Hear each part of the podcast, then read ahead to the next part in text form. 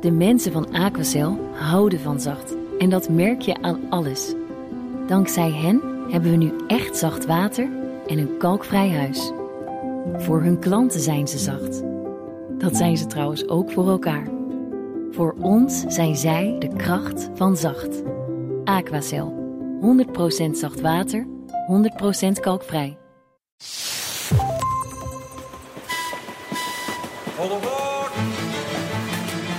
En hoe verder hij ging, des te langer was zijn reis terug. Welkom. Fijn dat je luistert naar de Goede Reis Podcast, de leukste wegwijzer voor onderweg. Deze podcast is een productie van BNR Nieuwsradio en Columbus Travel, het grootste reistijdschrift van Nederland. En deze eerste aflevering, want dat is het van de Goede Reis Podcast, gaan we het hebben over onder meer Italië. Rome als stad is, is fantastisch en daar moet je ook tijd van nemen. Rome moet je niet doen in, in drie dagen. De liefde voor de camping. Een camping is wat een dorp vroeger was. En een camping, dat, dat is een community.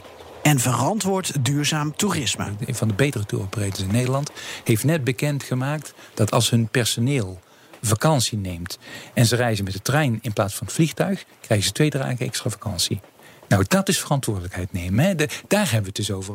Even voorstellen, want zo hoort het als we elkaar net leren kennen. Ik ben Geert-Jan Haan, ik ben jouw reisgenoot in deze podcast.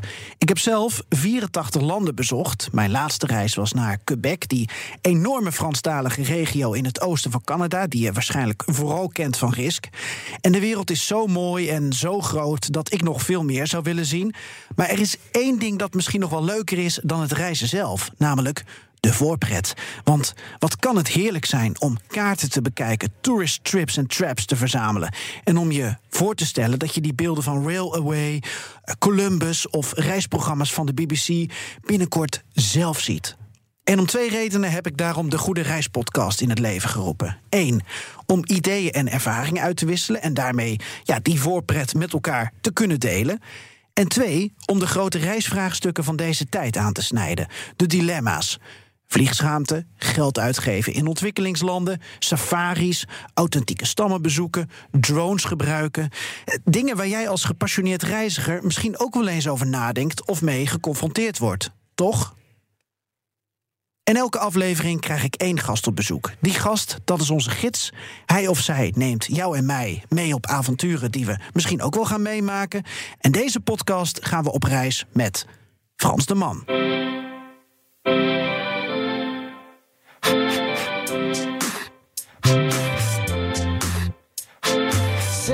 Was a young boy, there's been one toy that I've always wanted back.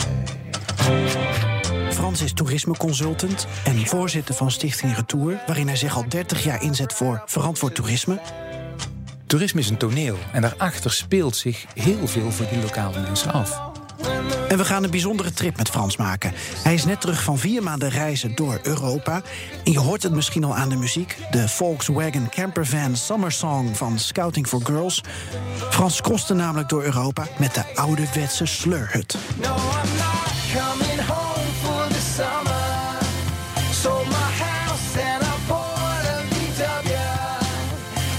Ja, ja uh, ideale manier van reizen uh, voor mij. En het is nog iets complexer, want voor mijn caravan staat een klein campertje. Dus ik kan mijn caravan ergens neerzetten. En dan kan ik met de camper nog dagtochtjes maken. Zonder dat ik alles hoef in te pakken. Als ik boodschappen moet gaan doen bijvoorbeeld. Dus voor mij is dat de ideale manier van, van reizen. En wonen eigenlijk ook. Het is zo leuk om op campings uh, te wonen. Vier maanden lang. Je hebt vier maanden lang nieuwe vrienden, nieuwe ervaringen. Een camping is wat een dorp vroeger was. En een camping, dat is een community. Je komt altijd mensen bezig, eh, tegen die met hetzelfde bezig zijn. Iedereen op een camping is bezig om zijn tijd zo leuk mogelijk te maken. Ja, dat is voor jou dus dat community gevoel, die warmte. Frans, wat was uh, je laatste reis? Vertel. Mijn laatste reis was een reis terug van Zuid-Frankrijk. In, ik was in Le Cat, ik ben een windsurfer en daar heb ik uh, redelijk wat tijd doorgebracht uh, aan zee. Werkend, s'morgens werkend, smiddags uh, windsurfend. En toen ben ik teruggereisd via vrienden, een Nederlandse vriend van me die een camping heeft bij Mont Ventoux, waar hij veel fietsers opvangt. Ik zat daar op de heetste plek, op de heetste dag in Frankrijk. Um, vervolgens Franse vrienden van de camping in Le Cat, die een leuk chalet hadden in de Franse Alpen daar een aantal nachten doorgebracht. Toen moest ik voor werk naar Freiburg. En dat is dus bij Schwarzwald. Heb ik mijn caravan daar op een mooie plek in de bergen uh, geparkeerd. Mijn werk gedaan. Toen moest ik voor mijn nieuwe project, dat wordt in Albanië, boerencampings opzetten in Albanië, moest ik naar de Duitse ontwikkelingsorganisatie in Frankfurt. En daar was ook een hele leuke camping bij. En daar ben ik ook iets langer gebleven dan, uh, dan noodzakelijk. Dus je hebt echt werk en uh, plezier gecombineerd? Ja, maar dat, dat doe ik ook. Wat dat betreft ben ik ook niet uh, de, de, de, ideale reisgenoot. Want ik heb eigenlijk nooit vakantie. Ik heb mijn werk zo ingericht dat ik ook geen weekend heb. Ik probeer gewoon de vrije tijd te verdelen over mijn, over mijn werkende leven. Dus ik werk zeven dagen in de week. Maar ik heb ook zeven dagen in de week kan ik mijn recreatiemomenten uh, pakken. Dus ik heb eigenlijk niet zo'n. Ik, ik heb geen elf maanden keihard werken en dan één maandje helemaal even uitleven. Het is bij mij geïntegreerd. Nogmaals, dat is een luxe die ik heb. Ik realiseer me dat ook dat dat een luxe is.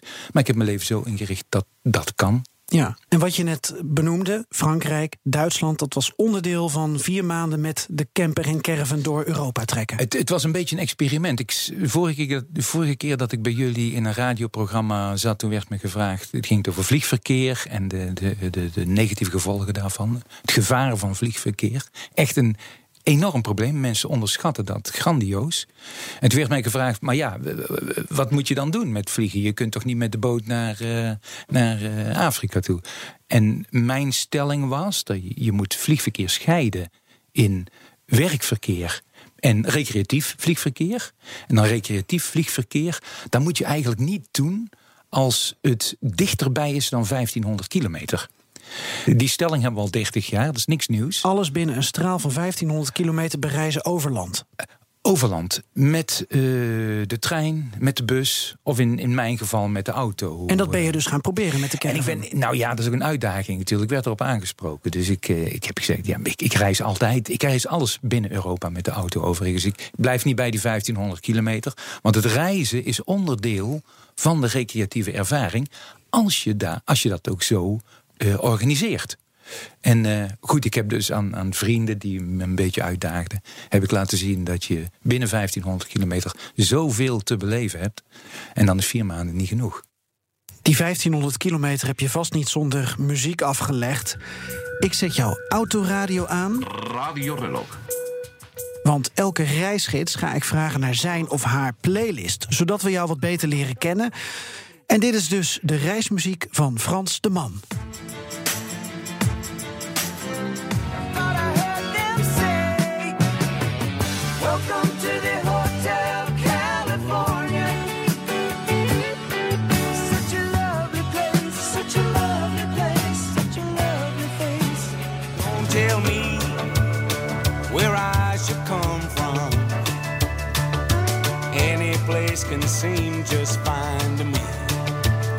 Please don't tell me where I could belong. Never mention what I ought to be. Gaan we met vakantie, ja, maar waar naartoe dan nou? Misschien naar Griekenland of misschien naar Tunis, dat is niet fascistisch en ze hebben toch een strand, ja. Of en via Spotify kun je de playlist ook terugvinden. Elke aflevering van de Goede Reis podcast zullen we deze reisnummers voor onderweg aanvullen. Nou, Hotel California. Ik woonde in Californië. Ik was een uitwisselingsstudent in het jaar dat dat een hit was. En dat gaat over opgesloten zitten in in, in Hotel Californië. En ik voelde me in Californië opgesloten. Ik zat in het paradijs voor, een, voor een surfer, wat ik ben. En toch was het heel beklemmend daar. Ik woonde bij een gezin, het was heel beklemmend. En toen is mijn, mijn, mijn interesse, fascinatie met, met hoe je in paradijsjes kunt wonen zonder daarvan te genieten, is daar begonnen eigenlijk. Het, het probleem van toerisme. Zoveel mensen zijn on, ontevreden als ze op vakantie zijn. Dat, dat, die spanning, zo, dat je alles in dat moment moet beleven. Dat is daarom Hotel California, dat, die, die gevangenis. Brandon Croker, Hard and Home. Dat gaat over het reizen. Waar, je, waar is je hart en waar is je huis? En het hele di- dilemma, je thuis, hart en thuis. Dat En slaat ook op jou. slaat helemaal op mij. Die, en, en ja, dat nummertje, als je dat helemaal draait, dan wordt ook een meezinger op het laatste. Kun je heerlijk meeneuren. eh. Ja. En dan dobben, dobben, dobben. Ja, dat is een politiek, dat is een politiek verhaal over toerisme. En dat is mijn verhaal, het politieke verhaal. Ik ben begonnen als een, eh, in de tachtig jaar als een activist. Bij, eh, bij reisbureaus waar ze eh, reizen naar Thailand met mooie vrouwen eh, organiseerden. Daar binnenvallen en dat soort dingen. Dat deden we in die tijd nog. Dat was nog geaccepteerd. Dat je echt actie voerde. Je punten duidelijk maakte. Toen ben ik de politiek ingegaan. Daar heel het debat over duurzame ontwikkeling. de voorloper van GroenLinks. Daar zat ik in het bestuur. En ja, in dat debat gedoken. Internationaal ook. En toen toerisme deskundige geworden. En dat heb ik eh, gedaan eerst als ontwikkelingswerker bij SNV. In Tanzania hebben we met, heb ik een half jaar met Maasai jongeren en vrouwen een toerismeproject eh, opgezet. Ja, en dat was redelijk succesvol. En langzaam maar zeker stegen we in de hiërarchie. En op een bepaald moment zat ik met in Quebec, eventjes om eh, Kijk. een cirkeltje rond te maken. Daar vond de eerste Wereld Summit voor Ecotourism eh, plaats. In Montreal. In Quebec, in, de Quebec stad zelf. Ja. En eh, daar was ik de vertegenwoordiger van de NGO's, van de civil society, wereldwijd. Dus daar had ik echt een plek aan de tafel, aan de onderhandeltafels. En ik kwam daarvan terug en ik was zo gedesillusioneerd in, in er waren zoveel goede ideeën en er zijn zoveel leuke initiatieven. En als je ziet waar het over gaat, het, ver- het verdringt allemaal in jargon en, en verhullend taalgebruik. Dus ik heb toen meteen gezegd, hier moet ik ophouden. En toen heb ik besloten dat ik het beste als een kleine ondernemer van binnenuit zou kunnen proberen om, om verantwoord toerisme vorm te geven. En dat brengt ons bij Stichting Retour. Nog niet. Nog niet. Nee. Wat een reis. Stichting Retour bestond al. Dit is in 1986 is dat opgericht. eh, en Retour staat voor Responsible Tourism. Nee, toen heb ik een eh, bedrijf, het windsurfbedrijf in Tarifa in Spanje... waar ik altijd mijn zaakjes kocht tijdens de vakantie... kon ik overnemen. En dat heb ik gedaan. En toen ben ik eh, ja, ondernemer aan een strandje geweest. Later Tarifa, wauw, dat is de hotspot in Zuid-Spanje. Je kan daar de boot pakken naar Marokko. Je- ik, Heerlijk Ik surfen. heb daar ook een restaurantje gekocht aan het strand. En op, vanuit mijn terras zag je de zonsondergang. En je zag in Tanger zag je het stoplicht van eh, rood naar groen springen, bij wijze van spreken. Ja. Dus ja, dat, dat was ideaal. En ik kon daar ook om, om die ideeën van duurzaam toerisme, om die om te zetten in de praktijk, gewoon in een winkeltje en een restaurant, is veel makkelijker dan waar we allemaal over praten. Je moet je alleen je verantwoordelijkheid daarvoor nemen. Om een voorbeeldje te geven.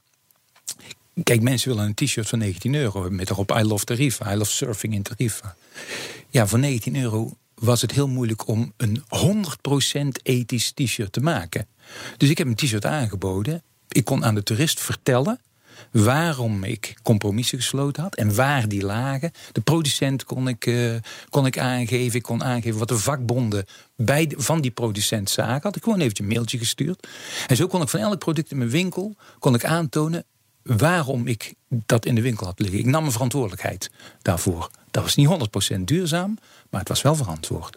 Dus daar heb ik, hè, en dat ging eigenlijk best goed tot, en dat is ook een groot probleem van het toerisme.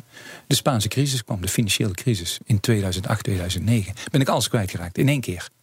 En eh, dat maakt hem ook bewust van het feit dat. Ja, je kunt allemaal leuk over duurzaam toerisme praten. en kleine ondernemers overhalen daarin te investeren.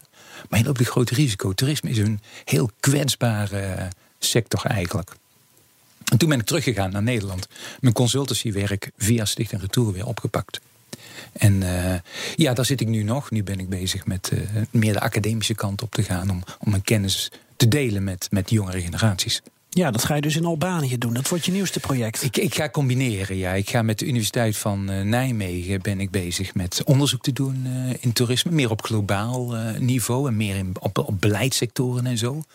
Maar in Albanië ga ik voor de Duitse ontwikkelingssamenwerking met, met kleine boeren kijken hoe zij toerisme zouden kunnen organiseren, agrotourisme. Maar dat moet allemaal in het Albanese beleid, politieke beleid, eh, om te integreren in de EU. Dus die hele keten van EU-beleid naar kleine boeren, die moet ik gaan proberen eh, in te vullen. De stempel. Albanië hoorde ik, Spanje hoorde ik. Eh, je bent in Canada geweest, Tanzania. Hoeveel stempels staan er in je paspoort? Ja, heel weinig, want ik heb net een nieuw paspoort.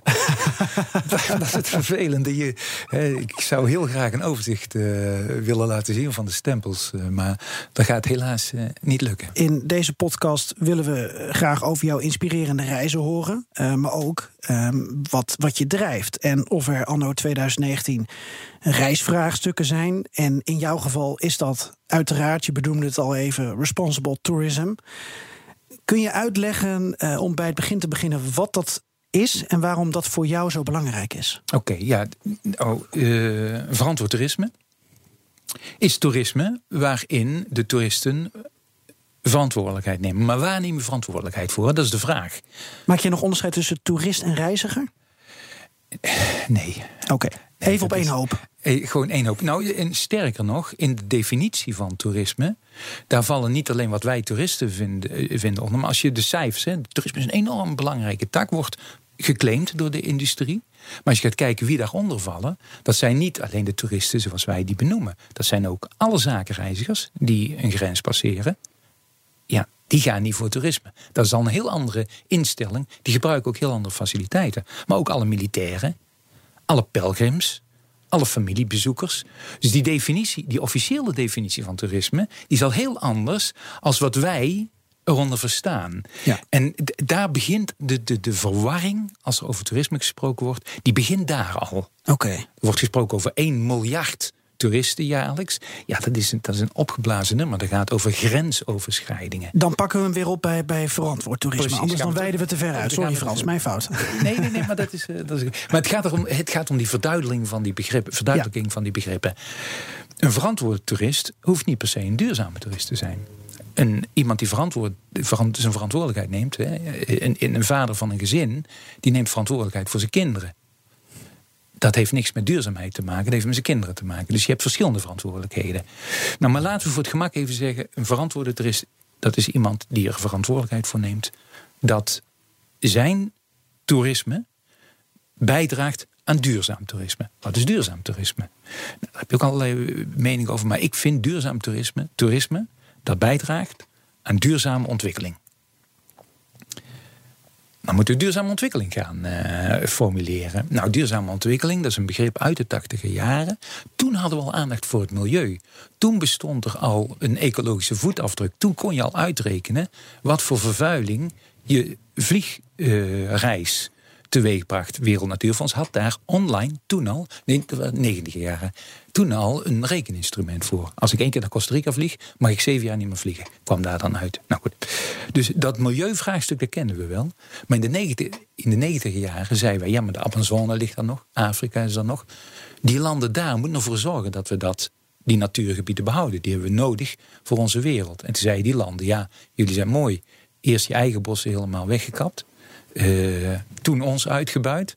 En nou zijn we zelf aan de beurt voor ontwikkeling. En dan mogen we onze bossen niet kappen. ho is. En toen, zei, toen is er een afspraak gemaakt. Oké, duurzame ontwikkeling is ecologisch en sociaal-economisch. Je moet die twee dingen bij elkaar brengen. Armoedebestrijding en milieu. Armoedebestrijding, participatie, deelname, dat soort dingen. En die twee dingen die zitten in duurzaam, in duurzame ontwikkeling. Ja. En duurzaam toerisme is dus toerisme dat bijdraagt niet alleen aan milieu, eh, oplossing van milieuvraagstukken, maar ook aan oplossing van sociaal-economische vraagstukken. Valt er ook onder, eh, als je kijkt naar de all-inclusive resorts en de Britten, Duitsers, Nederlanders die tekeer gaan tegen het personeel in Gambia alsof het minderwaardige mensen zijn? Ja, en, en, maar daar zit, het, daar zit meteen ook de crux eigenlijk. Dat het is heel makkelijk om af te geven op all-inclusive eh, hotels. Maar die niche van alternatief toeristen, eh, alternatieve toeristen die zichzelf duurzaam vinden. Ja, ik kan je daar net zoveel voorbeelden van geven waarom dat sociaal-economisch ook niet veel zoden aan de dijk zit en vaak contraproductief is. Als je alleen al kijkt naar het geld wat ze besteden. Eh, er zijn ook onderzoeken gedaan waarbij aan de lokale mensen wordt gevraagd... welke toeristen zien jullie liever? Dat was in de 90 jaar. En zeiden ze nou, die met dat oranje gevaarte op hun rug... die hoeven we niet. Maar die met die, die, die koffertjes... Ja, dat zijn nou de toeristen die we willen. Omdat die meer geld besteden. Massatoerisme is, wat mensen als massatoerisme zien, dat is niet per definitie slechter dan alternatief toerisme daar zit een heel hoop tussen. En wat ik altijd zeg is van alternatieve toeristen, ja, die, die weten het vaak ook wel. Hè. Die, je hoeft je daar eigenlijk niet zozeer op te richten. Die nemen hun verantwoordelijkheid of denken dat ze hun, vinden dat ze hun verantwoordelijkheid nemen. ja, dan ben ik toch even advocaat van de duivel, Frans. Want ik denk, misschien ben ik dan zo'n alternatieve toerist. Ik denk, ik uh, ga op reis, want ik wil uh, nieuwe talen en culturen en mensen leren kennen. En die kennis wil ik dan weer overdragen. Maar dat is dus. Wie schiet daar wat mee op? Ja, dat is een goede vraag. Ja, jij. Ja, dat is heel goed. En dat is heel goed. Als er meer mensen bewust zijn, dan is er een kans dat er indirect ook een andere wereld komt. Hè? Dat er zo heel indirect verbetering komt. Maar het is een hele lange weg. Je wilt toch niet dat we allemaal wereldvreemd blijven? Nee, nee, ik vind, ik vind het heel mooi. Alleen dat is niet mijn doel. Ik, ik zie daar uh, ik zie daar niet mijn prioriteit liggen. Ik wil direct verbetering in die landen. En als we Kijk, die, dat hele idee van dat toerisme bijdraagt aan bewustwording en daardoor indirect bijdraagt aan, aan vrede en zo. Ja, dat is voor mij allemaal te, veel, te ver weg. En het gebeurt ook niet. Dat is in 30 jaar dat ik met toerisme bezig ben, is dat niet gebeurd. Die niche van bewuste mensen, die blijft dezelfde, blijft onder de 10%. Waar je wel vooruit kan kunt boeken, is in dat massatoerisme. En als je die 90% massatoerisme, als je die maar 20% kunt verbeteren, dan bereik je veel meer dan dat je die 10% alternatief toeristen 50% verbetert. Dus mijn, mijn inzet zit er echt op om te zorgen dat de grote vormen, de grote stromen van toeristen, dat die een beetje beter worden. En dat doe ik niet vanuit hier, maar dat doe ik door in de bestemmingen de zaken zo te organiseren dat het bijna niet anders kan dan dat het goed gaat. En met bestemmingen eh, bedoel je, uh, jij duikt een all-inclusive resort in en je vertelt je nou visie? Ja, ja, een, een van de campagnes waar we heel veel uh, ja, ontwikkelingswerk werkt iets anders trouwens. Dat, je vertelt niet je visie, maar je neemt mensen mee in een proces. Zij, je, je doet het samen. Zij hebben veel meer kennis over hoe die bestemming werkt dan ik. Ik kan alleen een deeltje bijdragen. En samen kom je dan verder. Zo werken trainingen, bewustwordingen. Maar een van de voorbeelden waar ik ja, dat is een campagne waar, waar we ook twintig jaar geleden mee begonnen zijn. En waar ik veel voor gewerkt is de campagne om uh, seksuele uitbuiting van kinderen in het toerisme uit te bannen. En dan gaan wij inderdaad, gaan we met, die, gaan we met de kinderrechtenorganisaties uit die landen, gaan we naar de hotels toe. En dan gaan we die hotels trainen wat zij kunnen doen om ervoor te zorgen dat in hun hotel in ieder geval geen uitbuiting plaatsvindt. Ja, er zijn fantastische campagnes ter plekke kunnen we dan echt een verschil maken. Dus, en dat soort dingen zijn er meer. Hè? Met die boeren, je gaat met die boeren kijken. Wat, wat willen jullie, wat kunnen jullie? En dan probeer je het zo te organiseren... dat elke toerist die daar komt... of het nou een massatoerist is of een alternatieve... eigenlijk alleen maar op een verantwoorde manier uh, zich kan gedragen. De, verantwoord, de verantwoordelijkheid voor verantwoord en duurzaam toerisme die ligt vooral daar in de organisatie. Ja, maar, als we deze als voorbeeld mogen pakken. Ja. Want dit is wat je vanuit de, de boer bijvoorbeeld dan uh, gaat organiseren. Ik als reiziger. Ik eh, ben in 2015 naar Albanië geweest. Prachtig land. Maar ik had totaal geen idee uh, welke projecten uh, op een duurzame, op een verantwoorde manier werden georganiseerd. Ze waren er misschien wel. Ga jij iets etiketteren of labelen? Hoe ga je dat onder de aandacht brengen voor de toerist? Ja, nou, dat is een heel goede vraag. Je moet, je, moet, uh, je moet een product organiseren in het toerisme, dat is één. Het product moet goed zijn. Je moet een organisatie daar neerzetten. Nou, ik denk dan dat de duurzaamheid, die moet vooral door die, in die organisatie moet dat uh, zitten. Maar dan moet je de marketing nog doen. Uh, ja, je hebt het over keurmerken en zo, maar... Nou ja, ga je het allemaal uh, Eco-Lodge dit, Eco-Lodge dat noemen? Nee, juist niet. Juist niet, want ik wil niet die ecotourist aantrekken. Die vindt zijn weg wel. Ik wil juist dat ook andere toeristen, dat boeren uit Nederland zeggen van god, er is een leuke boerderij in Albanië. Daar kan ik met die mensen praten over, uh, over hoe we voor onze varkens zorgen. Kijk, daar, als je nou praat over bewustwording, hè, wat voor bewustwording wil je nou teweeg brengen tussen een alternatieve student, uh, een intellectueel uit Nederland, die met zijn campertje naar Albanië rijdt, en een boer. Ja. Hier in Nederland, om even te generaliseren, gaan die mensen ook niet solidair zijn met de boeren. waarom dan wel in, in, in dat soort bestemmingen? Ik vind dat, ik vind dat pretenties die je eigenlijk niet waar kunt maken. Achter dat, achter dat alternatieve toerisme zitten heel veel pretenties die niet waargemaakt worden. Of die maar voor drie weken gelden en dan niet meer. Eh, Hoor, twintig jaar geleden, toen was er, was er ook al een debat over, over onze Turkse eh, Neder- Nederlanders. En dan, mensen gingen naar Turkije op vakantie. En dan de Turk als een volk. De Turken als een volk. Vonden ze zo mooi. Maar om het koffiehuis om de hoek, daar liepen ze met een grote boog omheen. Daar zitten spanningen.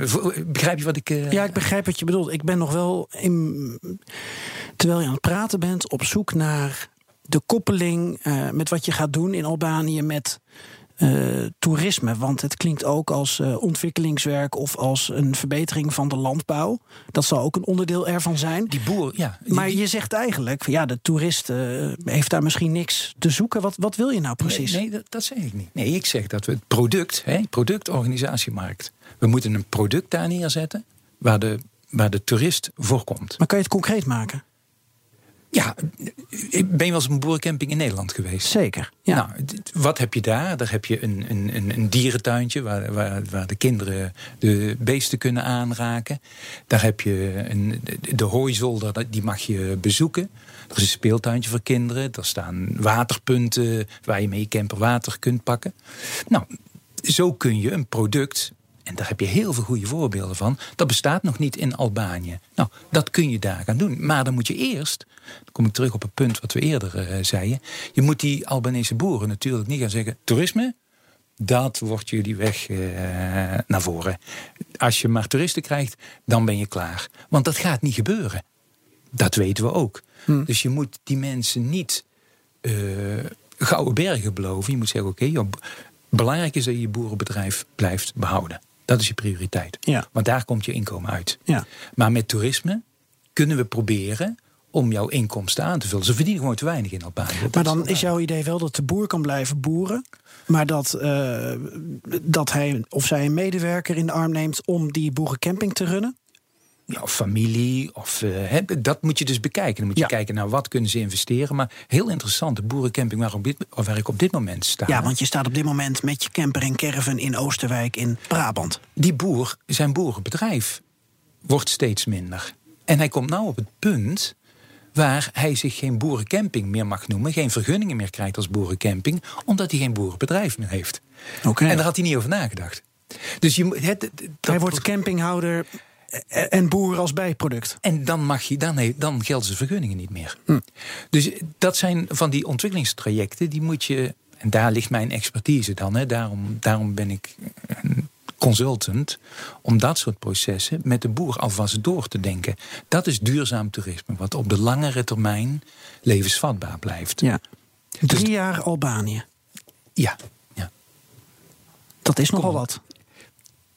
Ja, maar Tirana is door Lonely Planet, geloof ik, een paar jaar geleden als een van de top 10 eh, steden om te bezoeken eh, uitgekozen. Een hele vibrerende stad. Maar Ik je- had niet je- gedacht dat jij eh, de Lonely Planet zou aanhalen in dit gesprek.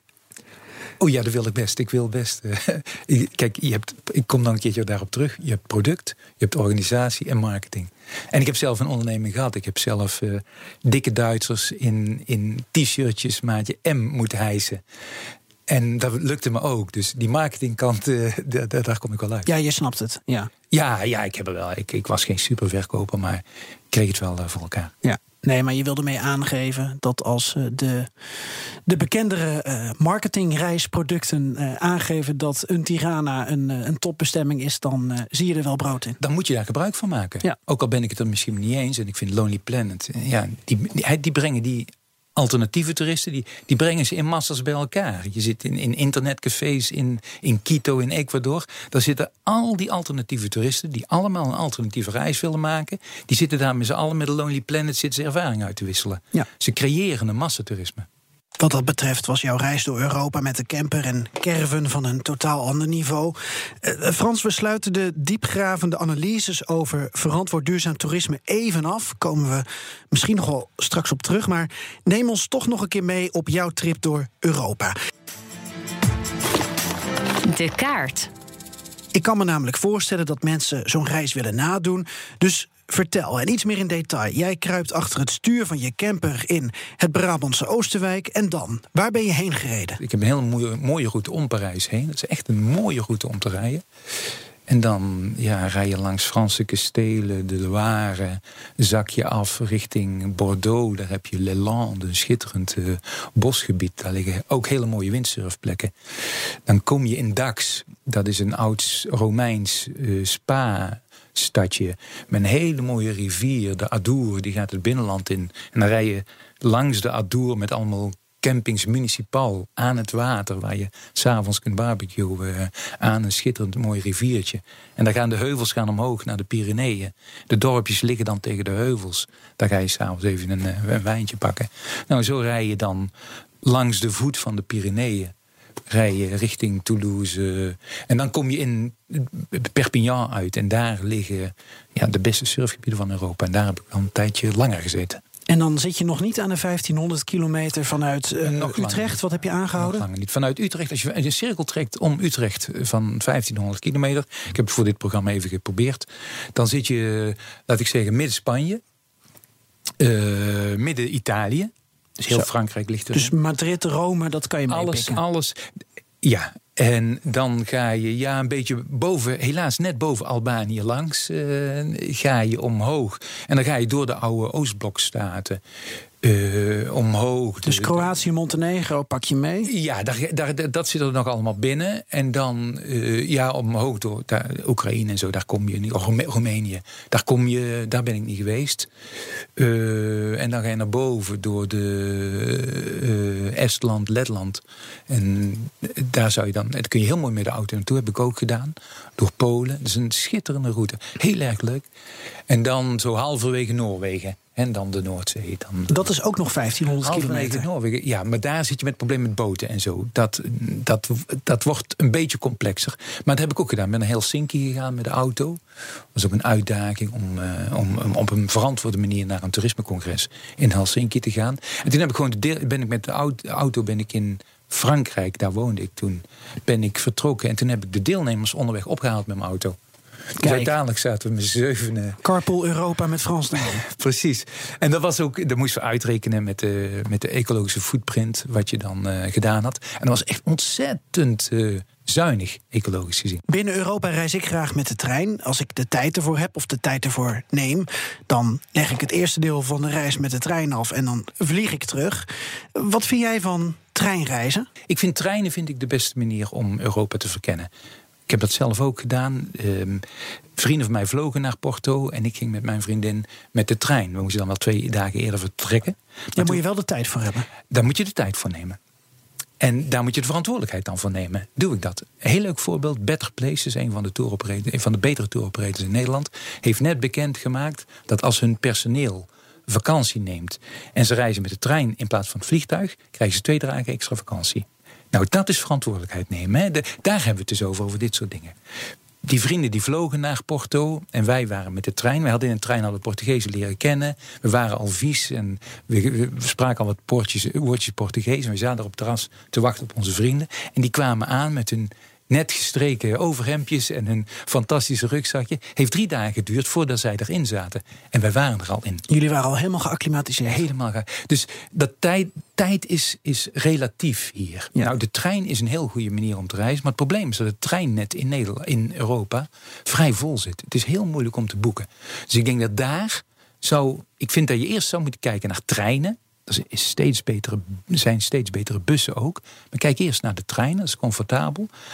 En dan zou de overheid ervoor moeten zorgen dat het treinennet, het gebruik van het Europese treinennet, dat dat verbeterd wordt. En wij hadden erover, nou dan zet je nachttreinen in die comfortabel zijn. Die hebben net allemaal afgeschaft. Net allemaal afgeschaft. Alleen de OBB geloof ik in, de, in Oostenrijk heeft precies, nog. Precies, ja. Ik, mijn professor die vertelde me dat. En ik, ja, maar waarom? Want daar zit juist winst. Je zou dat zelfs moeten stimuleren en subsidiëren. Dat je die toeristen uit de gewone treinen haalt. En ze de mogelijkheid biedt om s'nachts te reizen. Kost ook geen tijd. Hè? En als je dan die treinen ook, je pakt oude eh, TGV's en dan maak je hele leuke, gezellige slaaptreinen van. En die laat je s'nachts door heel Europa crossen. Nou, zo zou je bijvoorbeeld een verbetering kunnen aan. Zo zou je die 1500 kilometer zou je reëel kunnen maken. Ja. Heel belangrijk, ecotax op vliegverkeer. Het is schandalig dat vliegtuigen geen belasting eh, betalen over hun vliegverkeer. Ik had een buurman, die had een busbedrijfje. En die zei, ja, ik, ik kan die reizen niet aanbieden. Ik kan niet concurreren met, met de, de, de, de luchtvaart. Want die betalen maar een fractie voor een liter uh, brandstof als ik moet betalen. Nou, Ja. dat, is, dat is natuurlijk belachelijk dat dat kan. Ja.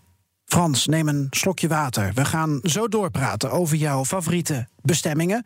Maar eerst gaan we naar de reisanekdote. Want elke aflevering geven we jou de mogelijkheid om een reisanekdote met ons te delen. Ging je arm uit de kom tijdens het ziplinen in Laos? Stond je in Patagonië oog in oog met een puma? Of heb je ternauwernood een zandstorm in Mongolië overleefd? Het is mij allemaal overkomen, maar ik ben ook heel benieuwd naar jouw sterke verhalen. Deze keer hoor je René van Heteren. Zij leidt een digitaal nomadenbestaan samen met haar vriend Emiel. En dan kom je op heel bijzondere plekken. Maar een ongeluk zit in een heel klein hoekje. Ja, een paar jaar geleden was ik eh, in Thailand op reis met mijn vriend Emiel. En eh, we waren toen in het dorpje Pai, dat is in Noord-Thailand. In de bergen, een beetje een hippie-achtig eh, dorpje. En met, een, met een hoofdstraat met allemaal leuke restaurantjes en zo. En daar zaten we heel vaak. En dan zag ik allemaal domme toeristen langslopen met verbandjes op hun knieën en om hun enkels. En dat waren allemaal sukkeltjes, vond ik, die zonder beschermende kleren, zonder schoenen en zo op een scooter gingen rijden in de bergen en dan zo dom waren om te vallen. Ehm, dat ging mij natuurlijk niet gebeuren. En Emiel en ik gingen ook eh, scooter rijden eh, in de bergen. Hartstikke voorzichtig waren we. En we hadden ook schoenen aangedaan. En ehm, eh, waren een lekker ritje aan het maken. Ook naar een, een waterval. Dat was best steil omhoog. En op de terugweg eh tuften wij rustig naar beneden achter iemand aan. En in een bocht, in een fractie van een seconde, bam, ging Emiel toch keihard onderuit. En nog een fractie van een seconde later, ik ook. We lagen allebei eh, op de grond. Eh, we zagen later dat we over eh, kleine steentjes waren geslipt. Nou, we konden gelukkig allebei meteen opstaan. Niks ergs aan de hand, behalve een heleboel eh, schaafwonden. Die bij Emiel wel echt een beetje erger waren dan ik. Op zijn knie, zijn elleboog, de vreef van zijn voet. Hij was flink gewond. Dus wij naar het ziekenhuis. En ehm, daar zijn we dan geholpen. Vooral Emiel, die had veel zorg nodig, omdat hij wel echt flinke wonden had. En ehm, eh, dus die avond gingen wij weer lekker iets eten en drinken daar aan de hoofdstraat van Pai. En li- liepen wij er net zo gênant bij als al die andere domme toeristen die vielen met hun scootertjes. Nou, en het had ook nog wel een beetje nasleep, dit verhaal. Want Emiel had wel wat. eh, eh, die wonden waren dus best erg. Dus die moest nog een paar keer opnieuw laten verbinden, goed schoonhouden. We gingen daarna door naar het land Myanmar. Dat natuurlijk ook heel populair is inmiddels onder toeristen, maar nog niet zoals Thailand. En Emiel is een hele lange slungel en eh, die kon geen schoen aan. Dus die eh, liep door, eh, door Myanmar met één schoen. En zijn andere voet had hij dan een slippertje en allemaal verbandjes. En dat vonden mensen echt hilarisch. Dus hij werd om de haverklap uitgelachen door, door die mensen in Myanmar. En achteraf gezien hebben wij allebei een mooie litteken overgehouden van dit avontuur. Allebei op de vreef van onze voet. En het grappige is dat we hoorden dat dus heel veel toeristen dat hebben. En dat dat een pai-tatoeage wordt genoemd. Dus eh, onze ongetatoeëerde, eh, ongetatoeëerde lichamen zijn nu toch getekend door ons scooteravontuur in Pai. En wil je jouw anekdote delen? Heb je een vraag voor onze gasten of gewoon een hele toffe foto die je wil laten zien? Mail ons dan op degoedegreis.bnr.nl of ga naar de communitypagina op de website van Columbus Travel. Ik praat verder met toerismeconsultant Frans de Man van Stichting Retour. Net terug van een reis van vier maanden door Europa met camper en caravan. De bestemming. Als onze luisteraars ook Europa over land willen verkennen, Frans, binnen een straal van 1500 kilometer van Nederland, maar geen vier maanden de tijd hebben, wat raad je ze aan? Wat zijn nou echt plekken waarvan je zegt, ja, dat was wel echt heel tof, ga daarheen, ga daar kijken? Ja, ik, ik vind Duitsland echt, als je niet te ver weg wilt. En eh, een, een, een, mooi gebied, echt buitenland ook wilt hebben, terwijl het toch een beetje bekend is. Hè? En waar je ook met je taal redelijk goed terecht kunt, dan vind ik Zuid-Duitsland is fantastisch mooi. Dus dat, dat is één plek. Frankrijk is altijd een beetje moeilijker voor de taal. Maar het grote voordeel van Frankrijk is dat het zoveel diversiteit biedt. Op eigenlijk een heel klein gebied. Bergen, zee, heel mooie landschappen, goed eten. En het is allemaal goed toegankelijk. Dus dat biedt Frankrijk. Italië, ja, dat is echt een andere cultuur al. Heeft zoveel mooie dingen, heel lekker eten. Maar Italië is wat minder toegankelijk voor ons. Ja. Dus dat, dat, dat zijn de drie landen waar ik, eh, waarvan ik vind dat mensen daar uh, hun vakantie goed zouden moeten kunnen besteden. En zijn er plekken waar jij dol op bent, ook al is het niet weg van de massa? Ja, dan, dan moet ik zeggen Rome als stad. Rome als stad is, is fantastisch. En daar moet je ook tijd van nemen. Rome moet je niet toe in, in drie dagen. Maar Rome, dan moet je echt de wijken ingaan. Rome, elke wijk van Rome heeft iets bijzonders. En dan moet je zorgen dat je een goede gids hebt die je uitlegt wat die wijken allemaal zijn. En die, die, die hele geschiedenis van uh, hè, beginnend 2500 jaar geleden tot nu, dat is één lopend verhaal. Dus je gaat niet alleen naar het Forum, je gaat niet alleen naar het Colosseum. Nee, ik heb in Rome gewoond een, een, een jaartje. Dus Ook nog? Dat is, een ander, dat is een beetje een ander verhaal. Ik heb daar een hele goede vriend, die heeft daar een restaurantje... en die kent de hele geschiedenis van Rome. En die, die neemt me mee naar buitenwijken. Die neemt me naar de natuur om Rome. Is ook heel mooi. En die heeft over elke wijk heeft hij een verhaal. Ja. En dat is toch een beetje... de kernboodschap moet toch zijn, neem tijd voor je vakantie. Doe niet te veel uh, in, in één vakantie. Maar probeer één of twee plekken wat beter te leren kennen. Daar krijg je veel meer rust van en is veel leuker.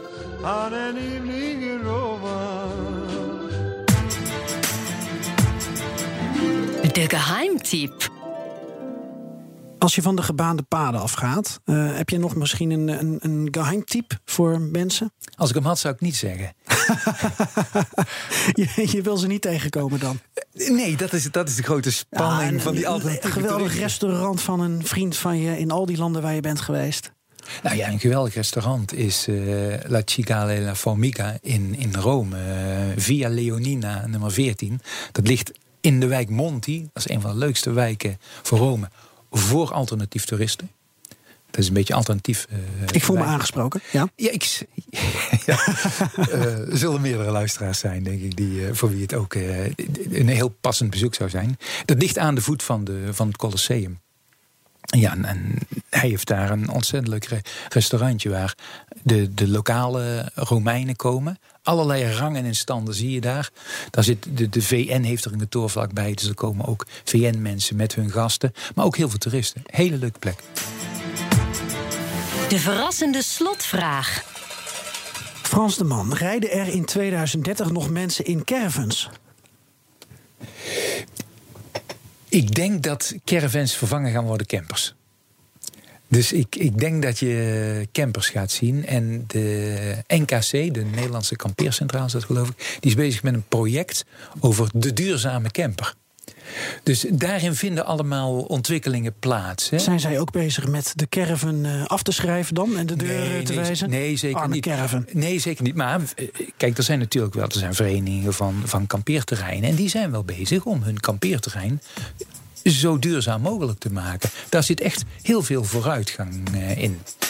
Dus ik hoop dat de caravan er nog is. Ik denk dat die door de camper uh, vervangen wordt. Maar ik rijd dan zeker nog in een, cam in een caravannetje rond. En nu weer terug naar de boerencamping? Uh, ja. Goede reis. Dankjewel. En ben je nou gelijk de koffer ingedoken om zo snel mogelijk de reis van Frans de Man na te doen? Of heb je net als digitale nomade René een heel sterk verhaal met ons te delen?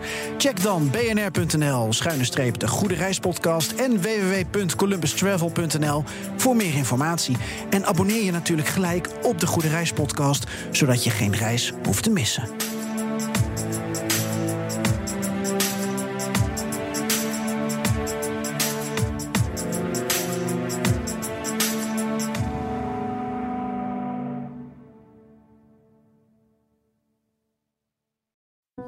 De mensen van Aquacel houden van zacht. En dat merk je aan alles.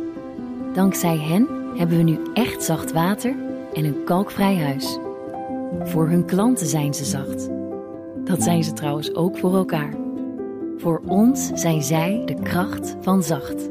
Aquacel. 100% zacht water, 100% kalkvrij.